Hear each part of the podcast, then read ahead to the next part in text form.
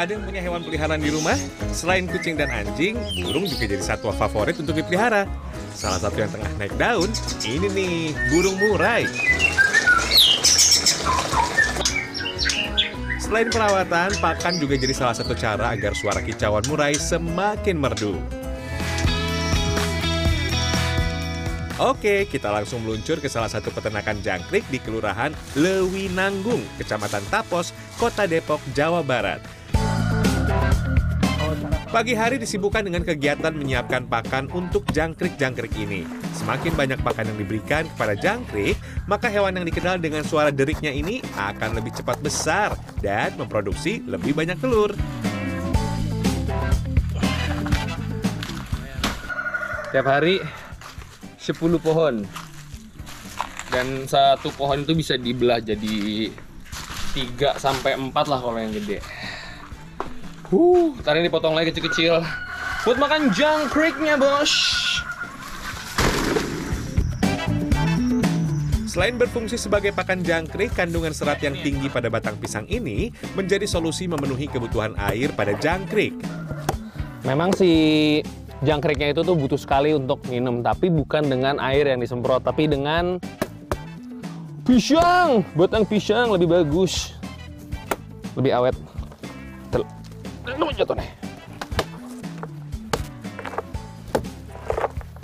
Oke, maaf bang, tumbang ya. Maaf, maaf, maaf, maaf. Untung kan nimpa yang lain tanamannya. Nah, ini kan airnya banyak nih. Nih tuh. Ini saya ambil ya, nih. Tuh. Jadi dia juga bisa dikonsumsi si batangnya, tapi juga ada kandungan air yang banyak dan melimpah. Pemberian batang pisang untuk alternatif minum serangga dengan nama latin Gilus bimaculatus ini mudah saja.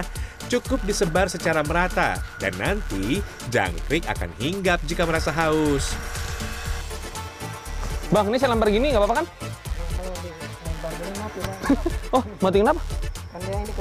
Oh, siap. Maaf ya, jangkrik. Oh, harus pelan-pelan. Kamu kecil soalnya. Ya, ya. Saya pikir dia kena senggol. Oh iya iya iya. Kalau kambing mah aman ya.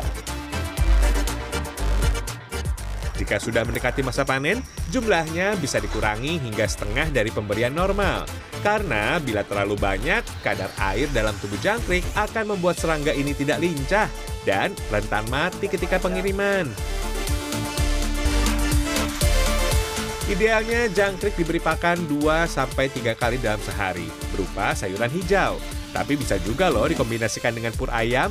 Oh ya, jangkrik tidak boleh terlambat makan juga. Bisa-bisa jangkrik menjadi agresif karena lapar dan kabur dari kandang.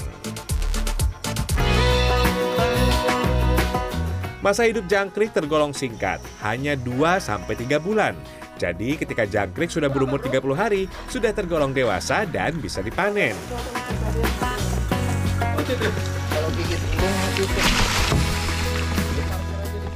Setiap kali panen, tempat ini bisa menghasilkan 700 kg jangkrik. Panen bisa dilakukan hampir setiap bulan. 1 kg jangkrik dijual seharga Rp30.000, sehingga dalam sebulan bisa meraup sekitar 21 juta rupiah. Dan satu yang jangan lupa untuk semua kandang harus ada nih dikasih sejenis isolasi. Kalau tidak dia merangkak berangkak dan kabur. Jadi harus dikasih sampingnya. Dan ini kan pasti jadi pertanyaan ya, kenapa sih harus pakai si tempat bekas tempat bekas telur ini nih? Sebetulnya bisa aja dia hidup tanpa tempat ini. Pakai si yang kering-kering doang bisa. Tapi kalau tidak panennya susah. Manual satu-satu. Kalau ini kan praktis. Di sini ada jangkriknya. Kita balik di belakang. Lebih banyak jangkriknya. For your info, jangkrik adalah hewan nokturnal, di mana jangkrik akan lebih banyak beraktivitas dan makan pada malam hari. Dan kalau siang hari, jangkrik senang berada di tempat gelap. Nih cara panen jangkriknya selain ini kan bisa digini, terus digubah-gubah. Tapi ada cara kedua, yang buat di pinggir-pinggir diserok. Aduh, digigit. Saya belum terbiasa. Emang tidak sesakit semut rangrang sih.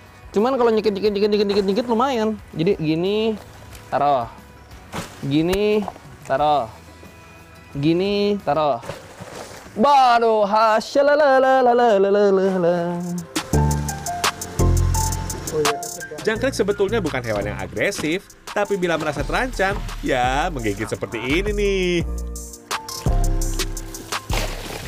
Nah, kalau cepat kan dia nggak keburu ngegigit, udah saya taruh di ember.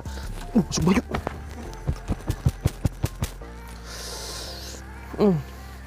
Saat pengemasan, jangan hanya jangkriknya saja ya, tapi juga alas daun kering agar jangkrik tidak terhimpit satu sama lain. Jangkrik dewasa sudah selesai dipanen. Artinya, kotak kosong ini siap lagi dihuni oleh ratusan ribu telur jangkrik. Kita dicuci pakai air. Jangkrik yang sudah berusia di atas 40 hari biasanya difungsikan menjadi indukan dan disatukan dengan jangkrik dengan usia yang sama. Setelah beberapa hari, telur-telurnya baru bisa diambil. Telur jangkrik ini kemudian dikeringkan terlebih dahulu sebelum dimasukkan ke dalam kotak penetasan dan pembesaran. Setelah kadar air berkurang, baru dikeringkan sekali lagi menggunakan bantuan kipas angin. Karena kalau tidak kering betul, telur tidak akan menetas dan berjamur. Dalam waktu 2-3 hari telur-telur ini akan menetas. Usahakan suhu di dalam kandang stabil ya, tak terkena sinar matahari langsung yang menyebabkan suhu naik. Atau terlalu dingin yang menyebabkan telur gagal tetas akibat terlalu lembab dan basah. Ketika sudah menetas, pindahkan jangkrik kecil atau nimfa ini ke dalam wadah besar. Tapi siapkan dahulu beberapa hal ya. Salah satunya daun pisang kering atau rumputan agar menyerupai habitat aslinya. Dan tak lupa, pastikan suhu ruangan stabil agar jangkrik tidak stres yang bisa berujung pada kematian massal. Jadi harus Harus digulung. Dia kan ntar ngumpet di sini. Di sela-sela. digulung biar rasanya nyarang. Iya, Harus yang ngumpet tengah-tengah. Oh iya kayak sarang burung. Nah, digulung. Meski kantong tebal hingga mencapai angka puluhan juta rupiah setiap bulan kini menjadi jaminan, tapi ada perjalanan panjang sebelum mencapai titik ini. Jadi awalnya pernah juga satu kandang mati semua pernah.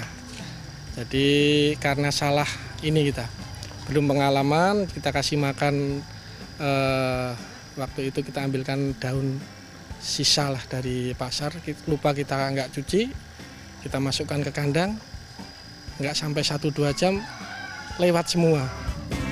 Ada yang mau merasakan kantong tebal dari bisnis jangkrik? Ini berarti harus siap setiap hari tanpa terkecuali. Mulai dari mempersiapkan pakan hingga perawatan jangkrik. Karena kalau tidak dipantau sehari saja, wah jangkrik bisa-bisa kabur dari kandang. Dan jadi rugi. Rian Fernando, Dwi Agung Yuldiarto, Depok, Jawa Barat.